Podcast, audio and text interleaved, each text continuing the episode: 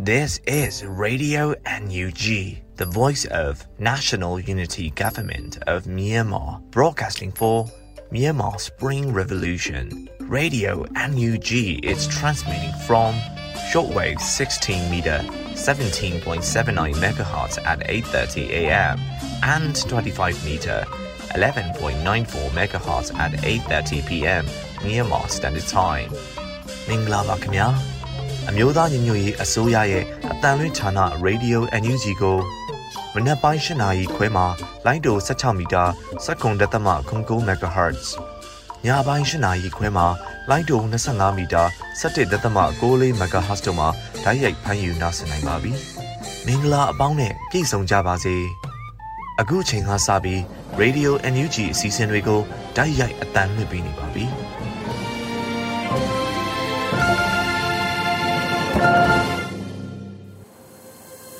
မြန်မာနိုင်ငံသူနိုင်ငံသားအပေါင်းတဘာဝပေးဆရာနာရှင်ပေတို့ကနေကင်းဝေးပြီးကိုစိတ်နှပါပေးကင်းလုံခြုံကြပါစေလို့ရေဒီယိုအန်ယူဂျီဖွယ်သားများကဆုတောင်းမြတ်တာပို့သလိုက်ရပါတယ်။အခုချိန်ကစပြီးရေဒီယိုအန်ယူဂျီရဲ့မနေ့ပိုင်းစီစဉ်များကိုတင်ဆက်ပေးရမှာဖြစ်ပါတယ်။ပထမဆုံးအနေနဲ့ကာကွယ်ရေးဝန်ကြီးဌာနရဲ့စီရေးသတင်းချင်းချုပ်ကိုတော့ຫນွေဦးမှုမှဖတ်ကြားတင်ပြပေးမှာဖြစ်ပါတယ်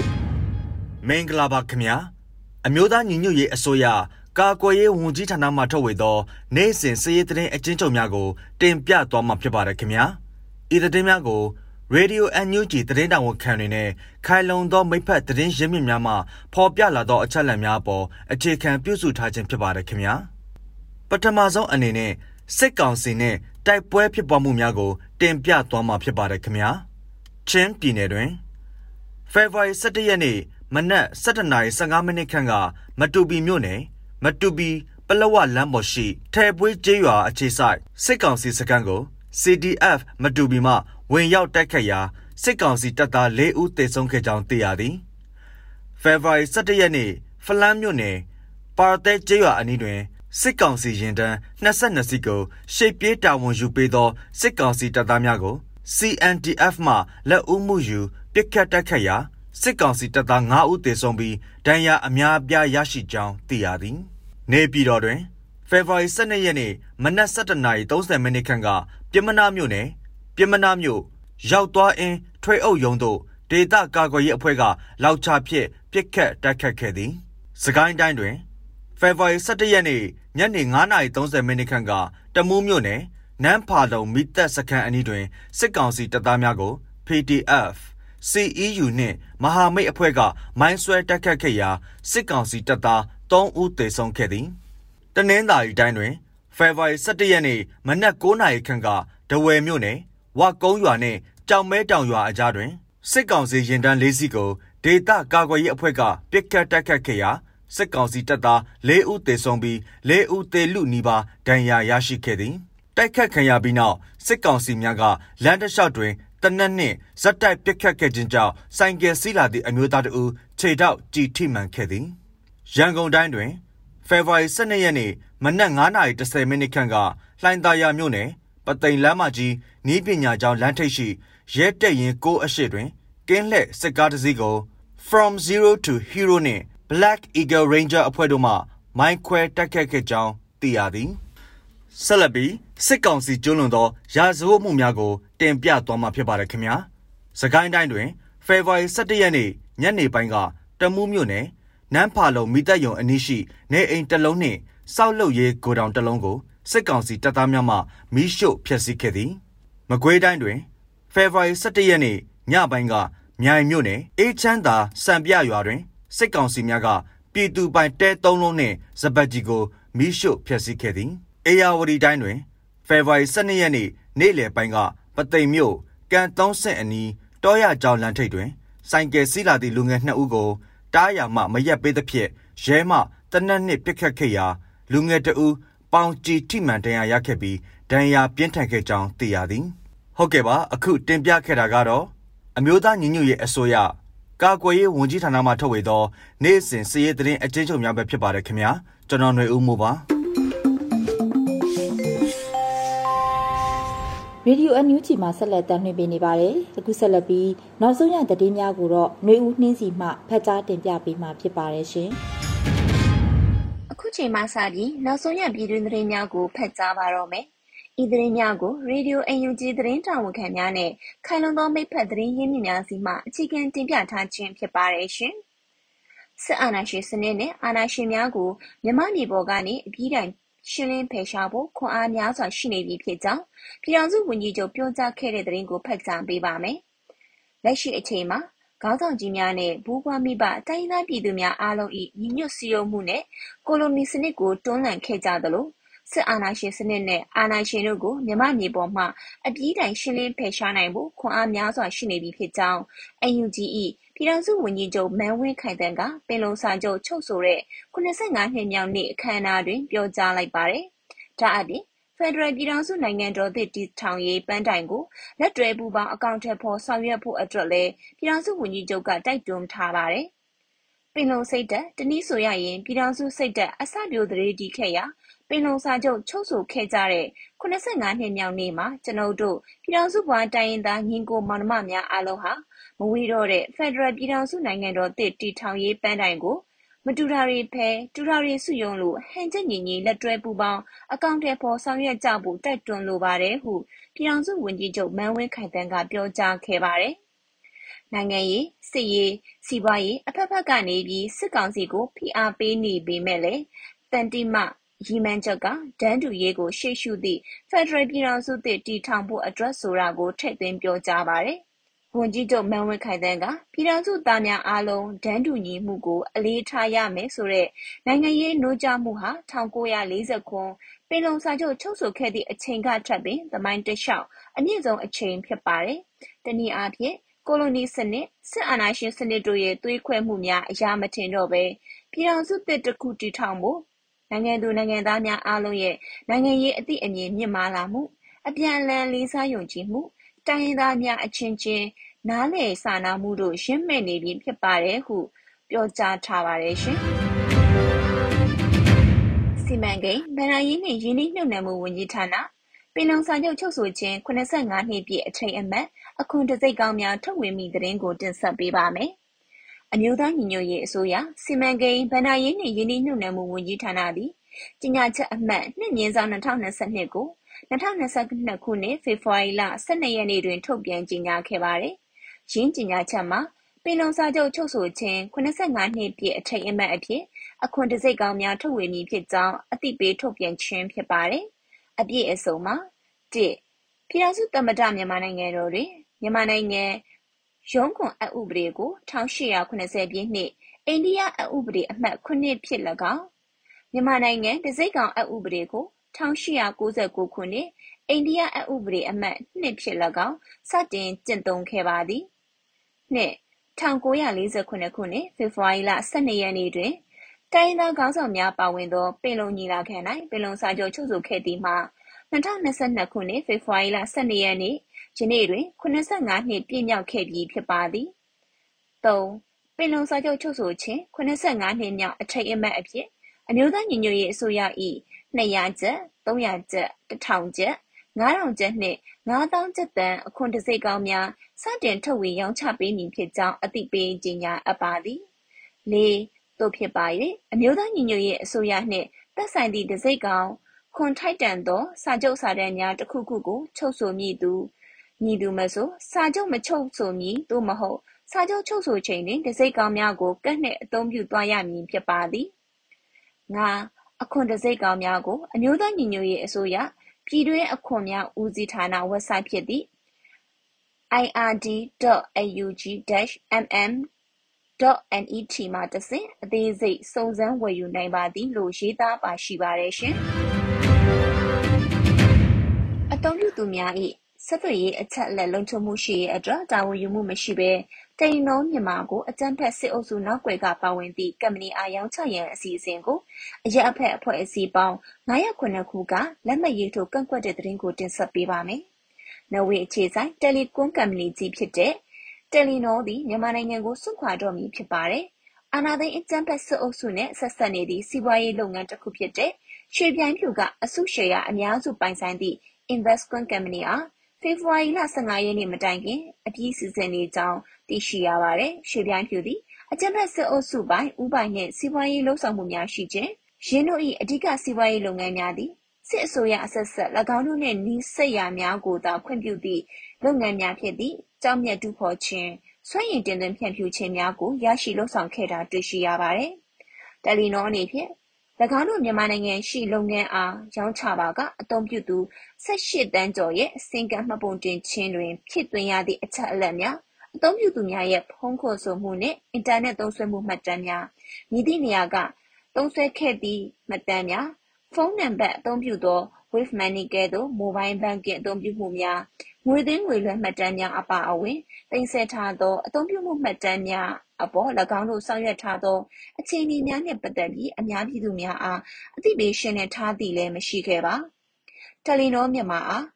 အာဏာသိမ်းအကြမ်းဖက်စစ်အုပ်စုနှင့်ဆက်စပ်နေသည့်စီးပွားရေးလုပ်ငန်းဆီသို့ရောင်းချလိုက်ပါကသုံးစွဲသူ18တန်းကျော်ရဲ့အချက်အလက်များကိုအကြမ်းဖက်စစ်အုပ်စုလက်သို့ထည့်ပေးသလိုဖြစ်ပြီးသုံးစွဲသူများနှင့်မိသားစုဝင်များအားဖမ်းဆီးနှိပ်စက်တပ်ဖြတ်ခံရခြင်းအပါအဝင် မခန့်မှန်းနိုင်လောက်အောင်ပင်ဆိုးဝါးသည့်အကြမ်းဖက်မှုများကြုံတွေ့ခံရနိုင်သည့်အန္တရာယ်များစွာရှိနေပါသည်။သုံးစွဲသူများရဲ့ဆက်သွယ်ရေးအချက်လက်အားလွှဲပြောင်းပေးအပ်ခြင်းပြုလုပ်ခဲ့ပါကအရက်ဖွဲ့အဖွဲ့အစည်းများအနေဖြင့် ယင်းသို့လုပ်ရပ်များကို လုံးဝကန့်ကွက်ရှုတ်ချသွားမည်ဖြစ်ကြောင်းနဲ့ မခန့်မှန်းနိုင်သော ရာဇဝတ်မှုများအတွက် တယ်လီနောက တာဝန်ခံရမည်ဖြစ်ကြောင်း အချက်အလက်ပေါင်း ၉ ချက်ပါသည့် ကြေညာချက်တစ်ခုကို အရပ်ဘက်အဖွဲ့အစည်းပေါင်း909ခုက လက်မှတ်ထိုးကန့်ကွက် ထုတ်ပြန်ထားပါတယ်။ယင်းကြေညာချက်ကို နော်ဝေနိုင်ငံဆိုင်ရာ အမျိုးသားညီညွတ်ရေး ကိုယ်စားလှယ်ရုံးရဲ့ လူမှုကွန်ရက်စာမျက်နှာတွင်လည်း တရားဝင်တင်ထားတာ တွေ့ရပါတယ်ရှင်။ကျွန်မကတော့ຫນွေဦးနှင်းစီပါရှင်။ ဆက်လက်ပြီးပြည်သူခုခံစစ်တရင်များကိုတော့ຫນွေဦးလိပ်ပြမှ တင်ဆက်ပေးမှာဖြစ်ပါတယ်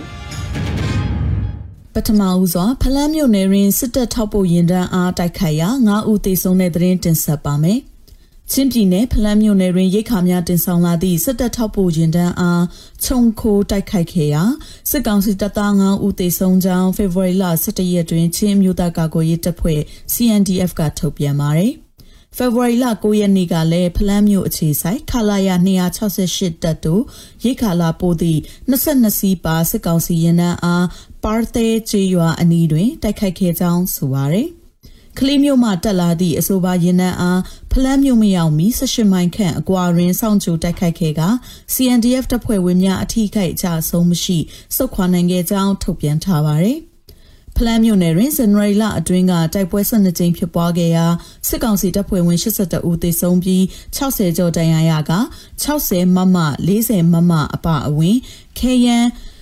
အများအပြားသိမ်းဆည်းနိုင်ခဲ့ကြောင်း CNDF ရဲဘော်တအူကြဆုံးကြောင်းသိရှိရပါတယ်။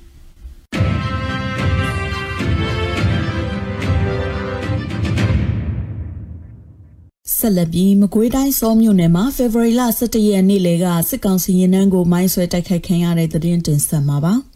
မကွေးတိုင်းစောမြို့နယ်မှာဖေဖော်ဝါရီလ17ရက်နေ့လေကစစ်ကောင်စီရင်နှန်းကိုမိုင်းဆွဲတိုက်ခိုက်ခဲ့တယ်လို့ဒေသခံပြည်သူ့ကာကွယ်ရေးတပ်ဖွဲ့တစ်ဖွဲ့ဖြစ်တဲ့ YDF စောကြောက်ထုအဖွဲ့ကပြောပါရယ်ကြောက်ထုမြို့ကနေစောမြို့ဘက်ကိုထွက်လာတဲ့စစ်ကောင်စီရင်နှန်းကိုမနေ့ကနေ့လယ်ပိုင်းမှာအဝေးထိန်စနစ်နဲ့မိုင်းဆွဲတိုက်ခိုက်ခဲ့လို့စစ်ကောင်စီဘက်ကထိခိုက်ဒေဆုံးသူရှိနိုင်တယ်လို့သိရှိရပါတယ်။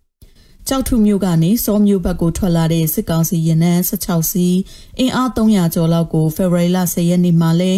YDF စောကြောက်ထုကမိုင်းဆွဲတိုက်ခိုက်ခဲ့တယ်လို့သိရှိရပါတယ်။စောမြို့နယ်အတွင်းမှာအချိန်မရွေးတိုက်ပွဲတွေပြင်းထန်လာနိုင်လို့မိဘပြည်သူတွေအနေနဲ့စောကြောက်ထုလမ်းပိုင်းနဲ့စောကံပတ်လက်လမ်းပိုင်းတွေကိုဖျက်ဆီးသွားလာတာတွေလုံးဝမပြုလုပ်ဖို့တတိပေးတာမြစ်ထားပါတယ်ရှင်။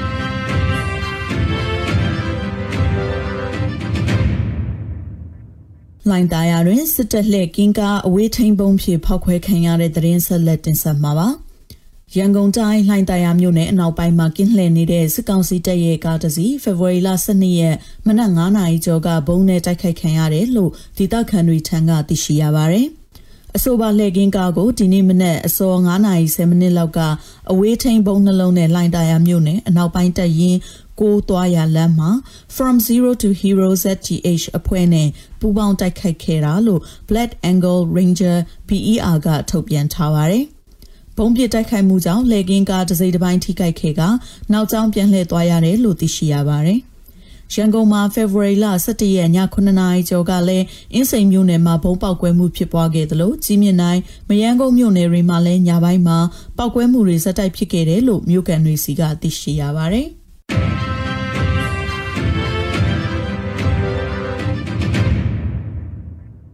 နောက်ဆုံးအနေနဲ့အမျိုးသားညီညွတ်ရေးအစိုးရပြည်ထရေးနဲ့လူဝင်မှုကြီးကြပ်ရေးဝန်ကြီးဌာနက2022ခုဖေဖော်ဝါရီလ17ရက်ရက်စွဲနဲ့ထုတ်ပြန်တဲ့ပြည်သူ့ခုခံတော်လှန်စစ်သတင်းချက်လက်တွေကိုတင်ဆက်ပေးသွားမှာပါ။အာနာသိန်းကျန်းဖက်စစ်အုပ်စု၏ပြည်သူလူထုအပေါ်အကြမ်းဖက်ဖိနှိပ်ဖန်ဆီးတိုက်ခိုက်တပ်ဖြတ်နေမှုများကိုပြည်သူလူထုတရက်လုံးကအသက်ရှင်သန်ရေးအတွက်မိမိကိုယ်ကိုမိမိခုခံပါကွယ်ပိုင်ခွင့်အရာပြည်သူခန့်စစ် People's Defensive War ကိုဆင်နွှဲလျက်ရှိပါတယ်။သတင်းချက်လက်များအရာ 17ရက်2လ2022ရက်နေ့တွင်စစ်ကောင်စီတပ်ဖွဲ့ဝင်89ဦးသေဆုံးပြီးထိခိုက်ဒဏ်ရာရရှိသူ32ဦးအထိခုခံတိုက်ခိုက်နိုင်ခဲ့ပါတယ်။စစ်အာဏာရှင်စနစ်မြမမြေပေါ်မှအပြည့်တိုင်ချုပ်ငြိမ်းရေးနဲ့ Federal Democracy တည်ဆောက်ရေးအတွက်ငြင်းချမ်းစွာဆန္ဒပြသည့်လူထုတပိတ်တိုက်ပွဲများကပြည်내နဲ့တိုင်းဒေသကြီးများမှာဖြစ်ပေါ်ပေါ်ပေါက်လျက်ရှိပါတယ်။မြေပြင်မှာယခုတွေ့ရတဲ့သတင်းအချက်အလက်များထက်ပို၍ဖြစ်ပေါ်နိုင်ပါတယ်ရှင်။ ရေဒီယို NUG မှာဆက်လက်တင်ပြနေပါတယ်။အခုဆက်လက်ပြီးနေ့စဉ်သတင်းများကိုတော့မျိုးတော်တာမှဖတ်ကြားတင်ပြပေးမှာဖြစ်ပါတယ်ရှင်။အခုပထမဆုံးတင်ဆက်ပေးမယ့်သတင်းကတော့ Federal Democracy ပြည်ထောင်စုတရားပေါ်ပေါက်လာတဲ့အထိပြည်သူလွှဲအပ်ထားတဲ့အခွန်အာဏာကိုအလေးအနက်ပြုထမ်းဆောင်သွားမယ်လို့ပြည်ထောင်စုလွှတ်တော်ကိုစားပြုကော်မတီကသဝန်လွှာမှာထည့်သွင်းဖော်ပြလိုက်တဲ့ဆိုတဲ့သတင်းမှာ အာနာရှင်စနစ်အပီးတိုင်ပပျောက်ကတန်တူရင်းနဲ့ကိုပိုင်ပြထန်းခွန်းတို့ကိုအာမခံတဲ့ Federal Democracy ပြည်ထောင်စုတရားပေါ်ပေါက်လာတဲ့အထိပြည်သူလူထုကလွှဲအပ်ထားတဲ့အခွန်အာဏာကိုအလေးနဲ့ပြုထမ်းဆောင်သွားမှာဖြစ်တယ်လို့ပြည်ထောင်စုလွှတ်တော်ကိုစားပြုကော်မတီ CRPH ကဝေလုံစာချုပ်ချုပ်ဆိုတဲ့85နှစ်မြောက်နေ့အတွက်ပေးပို့တဲ့သဝန်လွှာမှာဖော်ပြလိုက်တာပါ။ အာနာရှင်စနစ်ကိုမြမမြေပေါ်ကနေအပီတိုင်ပပျောက်စေဖို့နဲ့ခေတ်ဆက်ဆက်ဆင်အာနာရှင်စန့်ကျင်ရေးကတရေတီလာခဲ့တဲ့တော်လှန်ရေးစိတ်ဓာတ်တွေနဲ့စူးစီးညီညွတ်စွာတိုက်ထုတ်ကြရမယ်လို့ဆိုပါတယ်။ လက်နဲ့အင်အားအဆောက်မတန်တာလွန်တဲ့မင်းအောင်လှိုင်ကောင်းဆောင်တဲ့စစ်တပ်ကိုတနစ်ကြာတဲ့အထိအုပ်ချုပ်ခွင့်မပေးဘဲဆုံးရှုံးမှုတွေများစွာရှိနေတဲ့အတိုင်းပြည်တွင်းပြည်ပကတိုင်းရင်းသားပြည်သူတရက်လုံးကြာရကဏ္ဍအသီးသီးကနေအာသွန်ခွန်ဆိုင်တော်လှန်နေကြဆဲဖြစ်တဲ့ဆိုတာနဲ့2021နွေဦးတော်လှန်ရေးမှာ Federal Democracy နိုင်ငံတော်ကြီးအတွက်အသက်ပေးလူသွားခဲ့ကြတဲ့သူရဲကောင်တွေကိုဝန်내စွာအလေးပြုပါကြောင်းဤသဝန်လွှာမှတဆင်အလေးအနက်မှတ်တမ်းတင်တယ်လို့လည်းဖော်ပြထားပါတယ်။ဆီယနာရှင်အဆက်ဆက်ရဲ့နိုင်ငံရေးစစ်ရေးအရာဖိနှိပ်အုပ်ချုပ်လျက်ရှိတဲ့ကြားကနေပဲပြည်သူတွေကတခဲနဲ့ရွေးကောက်တင်မြှောက်တဲ့ပြည်သူအစိုးရတရပေါ်ထွက်လာက Federal Democracy ပြည်ထောင်စုကြီးတည်ဆောက်ဖို့အတွက်ပြည်ထောင်စုငြိမ်းချမ်းရေးညီလာခံ21ရစုပင်လုံးအစည်းအဝေးများခေါ်ယူပြီး Democracy Federal ဆိုင်ရာသဘောတူညီချက်တွေချမှတ်ကပြည်ထောင်စုသဘောတူစာချုပ်အစိတ်အပိုင်း၃ခုအထိချုပ်ဆိုနိုင်ခဲ့ပါတယ်။ ဒါပေမဲ့လည်းအတူအယောင်ဖက်ဒရယ်ကိုသာပေးလို့သောကိုကျိုးစီးပွားကိုသာကြည့်တဲ့စစ်အာဏာရှင်တစုက2020ခုနှစ်နိုဝင်ဘာလ10ရက်တွင်ကျင်းပခဲ့တဲ့အထွေထွေရွေးကောက်ပွဲမှာတိုင်းရင်းသားပြည်သူတရက်လုံးကတခဲနဲ့ထောက်ခံရွေးချယ်ခဲ့တဲ့ပြည်သူအစိုးရကိုမတရားဖမ်းဆီးပြီး2021ခုနှစ်ဖေဖော်ဝါရီ1ရက်နေ့မှာနိုင်ငံတော်အာဏာကိုလက်နက်အားကိုနဲ့ဥပဒေမဲ့လူယူသွားကနိုင်ငံတော်ဝန်ကတိုင်းရင်းသားပြည်သူတွေပေါ်လူကုန်တိတ်ခါကိုညှိုးနှွမ်းစေတဲ့နီလန်တွေနဲ့ဖမ်းဆီးတပ်ဖြတ်တာမြို့ရွာတွေအားမီးရှို့တာလေကြောင်းကပုံကျဲတာပြည်သူပိုင်ပစ္စည်းတွေကိုမတရားလူယူတာဖျက်ဆီးတာအဆရှိတဲ့ပြစ်မှုတွေကိုပြောင်းပြောင်းတင်းတင်းကျူးလွန်လျက်ရှိနေတယ်ဆိုပြီးလဲတဝန်လွှာထဲမှာဖော်ပြထားတာတွေ့ရပါတယ် အခုတင်ဆက်ပေးမှာကတော့တိုင်းရင်းသားပြည်သူတရက်လုံးကလိုလားတဲ့ Federal Democracy ပြည်ထောင်စုကိုအမှန်တကယ်တည်ဆောက်နိုင်တဲ့အထိ NUCC အနေနဲ့မစုံမနေကြိုးပမ်းလှုပ်ဆောင်မယ်လို့အလေးအနက်ကတိပြုလိုက်တဲ့ဆိုတဲ့သတင်းမှာ စစ်အာဏာရှင်စနစ်အပါအဝင်အာဏာရှင်စနစ်ဟူသမျှချုပ်ငြိမ်းရေးပင်လုံစာချုပ်ပင်လုံကတိကဝတ်နဲ့ Federal Democracy ပြည်ငြိမ်အခြေခံမှုတွေအပေါ်အခြေပြုတဲ့ညီညွတ်ရေးကတိကဝတ်တွေကိုအကောင့်ထဲပေါ်ရေးလူမျိုးကြီးဝါဒချုပ်ငြိမ်းရေးတွေကိုဖော်ဆောင်ပြီးတိုင်းရင်းသားပြည်သူတရက်လုံးကလိုလားတဲ့ Federal Democracy ပြည်ထောင်စုကိုအမှန်တကယ်တည်ဆောက်နိုင်တဲ့အထိအမျိုးသားညီညွတ်ရေးအတိုင်းပင်ကကောင်စီ NUCC ကမဆုတ်မနစ်ကြိုးပမ်းလှုပ်ဆောင်သွားမှာဖြစ်တယ်လို့အလေးနဲ့ကတိည်ပြုကြောင်းဘယ်လုံစာချုပ်ချုပ်ဆိုတဲ့85နှစ်မြောက်နေ့အတွက်ပေးပို့တဲ့သဝန်လွှာမှာဖော်ပြလိုက်တာပါအစိုးရဆက်ဆက်ကပင်လုံစာချုပ်ပင်လုံကတိကဝတ်တွေကိုချိုးဖောက်ကတမိုင်းတလျှောက်ရရဆက်ဆက်ဖိနှိပ်အနိုင်ကျင့်ခဲ့မှုတွေခွဲခြားဆက်ဆံမှုတွေအတွက်မိမိတို့အမျိုးသားညီညွတ်ရေးအတိုင်းပင်ကကောင်စီ NUCC အနေနဲ့လည်းဒိုင်းရင်သားပြည်သူတရက်လုံးကိုလေးနက်စွာတောင်းပန်တယ်လို့ဖော်ပြထားပါတယ်။ ခေတ်ဆက်ဆက်ဆင်အာနာရှင်တွေအစိုးရတွေကပြည်သူလူထုအပေါ်ခွဲခြားဖိနှိပ်လူသားမျိုးနွယ်ကိုစန့်ကျင်တဲ့ရာဇဝတ်မှုတွေနဲ့စိတ်ရာဇဝတ်မှုတွေလူမျိုးသုံးတပ်ဖြတ်မှုတွေကျူးလွန်ခဲ့မှုနဲ့ပတ်သက်ပြီးနှစ်နာသူများအားအမျိုးသားညီညွတ်ရေးအစိုးရကယနေ့ပြည်သူအစိုးရတရဖြစ်တာတဲ့အညီဒါဝင်ယူမှုတာဝန်ခံမှုအပြည့်ဖြင့်တောင်းပန်ပြီးလှုပ်ဆောင်တဲ့ကိစ္စရပ်တွေကိုပြက်ပြက်သားသားလှုပ်ဆောင်သွားဖို့လဲတိုက်တွန်းထားတာတွေ့ရပါတယ်။ အစိုးရဆက်ဆက်ကပင်လုံစားချုပ်ပင်လုံကတိကဝတ်ကိုဖော်ဆောင်ဖို့ပြက်ကွက်ခဲ့ကြတာကြောင့်တိုင်းရင်းသားပြည်သူတို့ရဲ့နှစ်နာဆုံးရှုံးခဲ့ရမှုတွေကိုယနေ့ကာလဖက်ဒရယ်ဒီမိုကရေစီတော်လှန်ရေးရဲ့ဥဆောင်မှုအခမ်းကဏ္ဍမှာပါဝင်နေသော အမျိုးသားညီညွတ်ရေးအစိုးရ NUG အပါအဝင်တော်လှန်ရေးအင်အားစုတွေကရှင်းရှင်းလင်းလင်းသိမြင်နေမှာလို့ပြောထားပါတယ်။ ဒါပြင်အဲ့လိုထပ်မမဖြစ်ပွားစေဖို့ဘင်လုံစာချုပ်ပင်လုံကတိကဝတ်တွေကိုတိကျစွာဖော်ဆောင်ရမှာလွန်စွာမှအရေးကြီးတယ်ဆိုတာနဲ့ဒိုင်းရင်သားပြည်သူတွေလိုလားတဲ့ Federal Democracy ပြည်ထောင်စုကြီးကိုလည်းပင်လုံစာချုပ်ပင်လုံကတိကဝတ်နဲ့ Federal Democracy ပြည်ငြိမ်အတိုင်းအကောင့်ထဲပေါ်ဆောင်ရွက်သွားရန်လိုအပ်တယ်လို့လည်းဖော်ပြထားတာတွေ့ရပါတယ်။ အမျိုးသားညီညွတ်ရေးအတိုင်းပင်ခံကောင်စီအနေနဲ့ကတော့စစ်အာဏာရှင်စနစ်နဲ့အာဏာရှင်စနစ်မှသမျှချုပ်ငိမ့်မှသာလျှင် Federal Democracy ပြည်ထောင်စုကိုတည်ဆောက်နိုင်မှာဖြစ်တယ်လို့လည်းထောက်ပြထားတာတွေ့ရပါတယ်ဆက်လက်တင်ဆက်ပေးမှာကတော့ဘေလုံကတိကဝတ်တွေကိုအမျိုးသားညီညွတ်ရေးအစိုးရကနိုင်ငံရေးလုပ်ငန်းစဉ်တွေမှာလက်တွေအကောင့်ထဲပေါ်နေတယ်လို့ KPICT ကသဝန်လွှာမှာဖော်ပြထားတယ်ဆိုတဲ့သတင်းမှာ ဘယ်လုံကတိကဝတ်တွေကိုအမျိုးသားညီညွတ်ရေးအစိုးရရဲ့နိုင်ငံရေးလုပ်ငန်းစဉ်တွေမှာလက်တွေ့အကောင့်ထဲပေါ်နေတယ်ဆိုပြီး Kachin Political Interim Coordination Team KPICT ကဘယ်လုံစာချုပ်ချုပ်ဆိုတဲ့85နှစ်မြောက်နေ့အတွက်ပေးပို့တဲ့သဝန်လွှာမှာဖော်ပြလိုက်တာပါ။ အမျိုးသားညီညွတ်ရေးအစိုးရရဲ့ယနေ့2022ခုနှစ်ဖေဖော်ဝါရီလ12ရက်နေ့မှာကြာရောက်တဲ့ပင်လုံစာချုပ်ချုပ်ဆိုခြင်း85နှစ်မြောက်အထိမ်းအမှတ်ကိုကျင်းပပြုလုပ်ခြင်းဟာရခိုင်ကအကောင့်အထည်မဖော်ခဲ့တဲ့ပင်လုံစာချုပ်နဲ့ပင်လုံကတိကဝတ်တွေကိုအမျိုးသားညီညွတ်ရေးအစိုးရရဲ့နိုင်ငံရေးလုပ်ငန်းစဉ်တွေမှာလက်တွေ့အကောင့်အထည်ဖော်ရန်စတင်တဲ့အထိမ်းအမှတ်အဖြစ်ကြိုးဆိုပါရဆိုပြီးဖော်ပြလိုက်တာပါ။ ဒါပြင်အမျိုးသားညီညွတ်ရေးအစိုးရကဥဆောင်ကျင်းပတဲ့ပင်လုံစာချုပ်ချုပ်ဆိုခြင်း85နှစ်မြောက်အခမ်းအနားကို အောင်မြင်စွာကျင်းပနိုင်ပါစေကြောင်း KPICT မှစုမုံကောင်းတောင်းတယ်လို့လည်းဖော်ပြထားပါတယ်။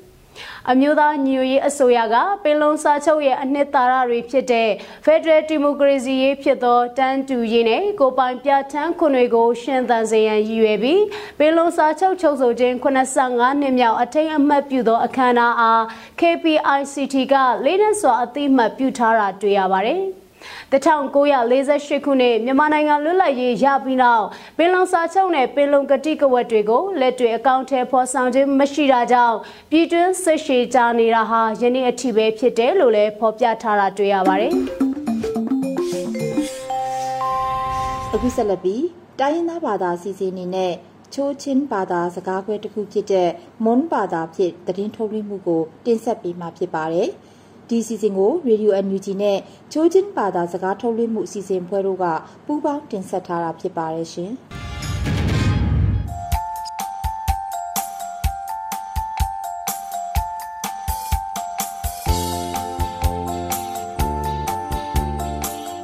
အန်ယူဂျီကျူရီဂျိုအုံထနာနမငိုင်လောက်ကေနပါဖိနာတူနမရိုင်နော်အတူငွေခုကုမ်ဖရမ်ဂူလမ်ဂူလီရီဖေဘရင်ကွာချာရှလိကထုံမှုအနုပိဘွေရာကျကျခုကရုံကန်ထူရီမိငိုင်ဘဝခင်လောလောကနီ ကျရင်ကကုံအဆုပယံထူလီကျူမင်တမောင်လုံအော့ကီယမောနေအမတ်တိအမတ်နိလအမတ်တုံယုံကအန်ကရစီကောင်စီတုံကနောချောင်ဆန်အောက်ဒမွန်လနေဒူအနာဝယအပေါင်းလောမောင်ကြကနိ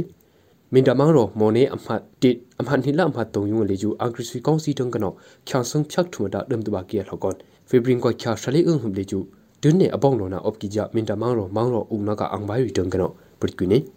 အရှုံမယအန်ကရစီကောင်စီတုံကနောအပေါင်းလောဖေလီကျူပြီးတော့ယုံအော့ကီအရှောင်းဘိုင်ရီအမောက်ချောင်ရီအုံခုနောင်ဦးနေအမိတောင်နာအောမာမွေရမိုဘိုင်ဖုန်ရီယောင်ထုံစာနာဝိုင်ကြကြငထုံစာနာရုံလေကျူမိုင်တဲ့စင်ကတုံကနောပွိုစီအဝန်အင်တာနက်လိုင်းလာဖုန်းလိုင်းရီအမ်ခွနာအပကိနေအန်ကရစီကောင်စီလေကျူမင်တမောင်ရောယုံအပကဘီရောယုံအမီလောအခါကုံဘီရောကရုံအပကခုတ်ချောင်းရအင်ရီဇန်ရီအိကအော်ရီအမင်ရုနာအမမယချိုပါခွရီနောအကကရံအမင်ငါယခေါ်တမ်ရီစေရီဂျုံဖီ ငွန်နေအမီနာအပကိကြဖုနာချောပကိနေအန်ဟိဝိနာကောင်ထူလေကျူဖလာမန်ရောပါဒေဘီရောအကငဲတုံအပကအန်ကရစီကောင်စီလာ CNTF aning la kung tu ana omne angri sui tanga khyasang ma khra su ke jamong ka gene kyo khu flamang ro fibrin ko kya ko humle ju angri sui kong si ya ek over rim kon lok kya modom kuli riyong ka flamang ro par de bi ro ang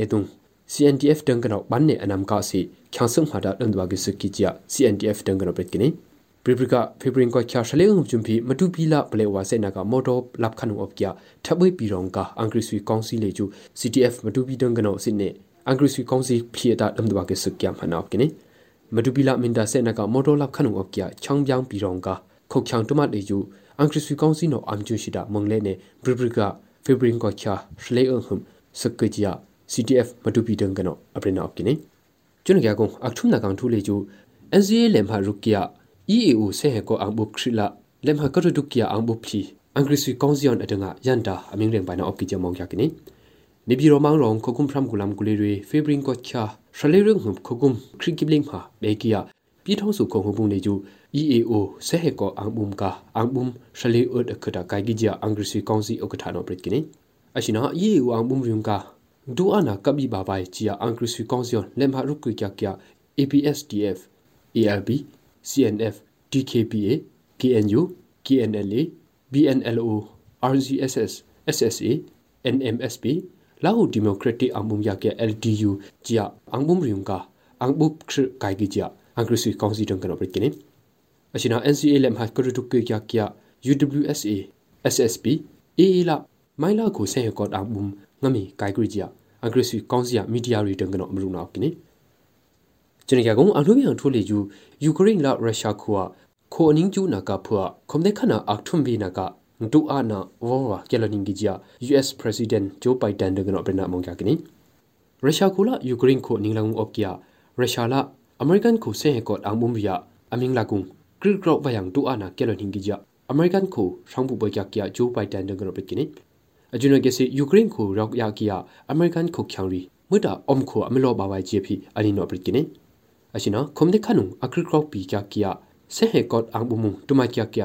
ဒငါအရှုမယံဒူအာနာအမလန်ဟင်ကီကစီအမေရိကန်ခုတ်ချောင်ရီယူကရိန်းခိုကနောအမင်းနွန်ပူပါဂျီပီအရှင်နာပရက်စီဒန့်ဂျိုးပိုက်တင်ဒန်ကနောအပရင်နော့ကနီအဝိုင်စံကရုရှားခုဒန်ကနောယူကရိန်းခိုအခုဝလနဲ့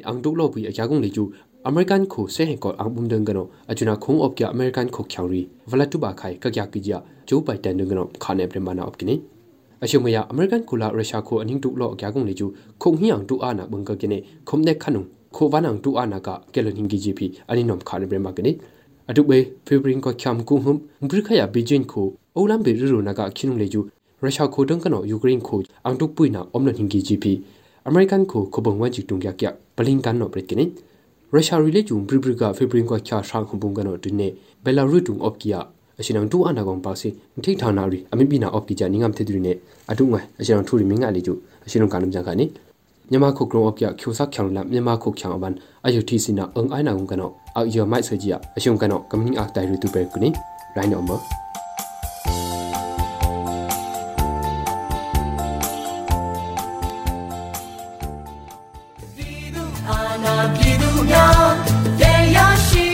ာ်တာရှင်များရှင် တော်လန်ရေးအတွက်အရေးတကြီးလိုအပ်နေတဲ့ဘန္နာရမုံငွေရရှိစေဖို့အတွက်ငွေတိုက်စာချုပ်တွေကိုစွမ်းသမျှဆက်လက်ဝယ်ယူပေးကြဖို့တိုက်တွန်းလိုက်ရပါတယ်။ဒီကနေ့ကတော့ဒီညနေပဲ Radio NUG ရဲ့အစည်းအဝေးတွေကိုခਿੱတရရနိုင်ပါမယ်။မြန်မာစံတော်ချိန်မနက်၈နာရီခွဲနဲ့ည၈နာရီခွဲအချိန်တွေမှာပြန်လည်ဆုံးဖြတ်ကြပါစို့။ Radio NUG ကိုမနက်ပိုင်း၈နာရီခွဲမှာလိုင်းဒို16မီတာစက္ကန့်တသမ9 MHz ညပိုင်း၈နာရီခွဲမှာလိုင်းဒို25မီတာ17သမ6 MHz တို့မှာဓာတ်ရိုက်ဖမ်းယူနားဆင်နိုင်ပါပြီ။မြန်မာနိုင်ငံသူနိုင်ငံသားများကိုယ်စိတ်နှပြကျန်းမာချမ်းသာလို့ဘေးကင်းလုံခြုံကြပါစေလို့ Radio NUG အဖွဲ့သူအဖွဲ့သားများကဆုတောင်းလိုက်ရပါတယ်။အမျိုးသားညီညွတ်ရေးအစိုးရရဲ့စက်သွေးရေးတရင်အချက်အလက်နဲ့ဤပညာဝန်ကြီးဌာနကထုတ်လွှင့်နေတဲ့ Radio NUG ဖြစ်ပါတယ်။ San Francisco Bay Area အခြေစိုက်မြန်မာမိသားစုများနဲ့နိုင်ငံတကာကစေတနာရှင်များလှုပ်အားပေးများရဲ့ Radio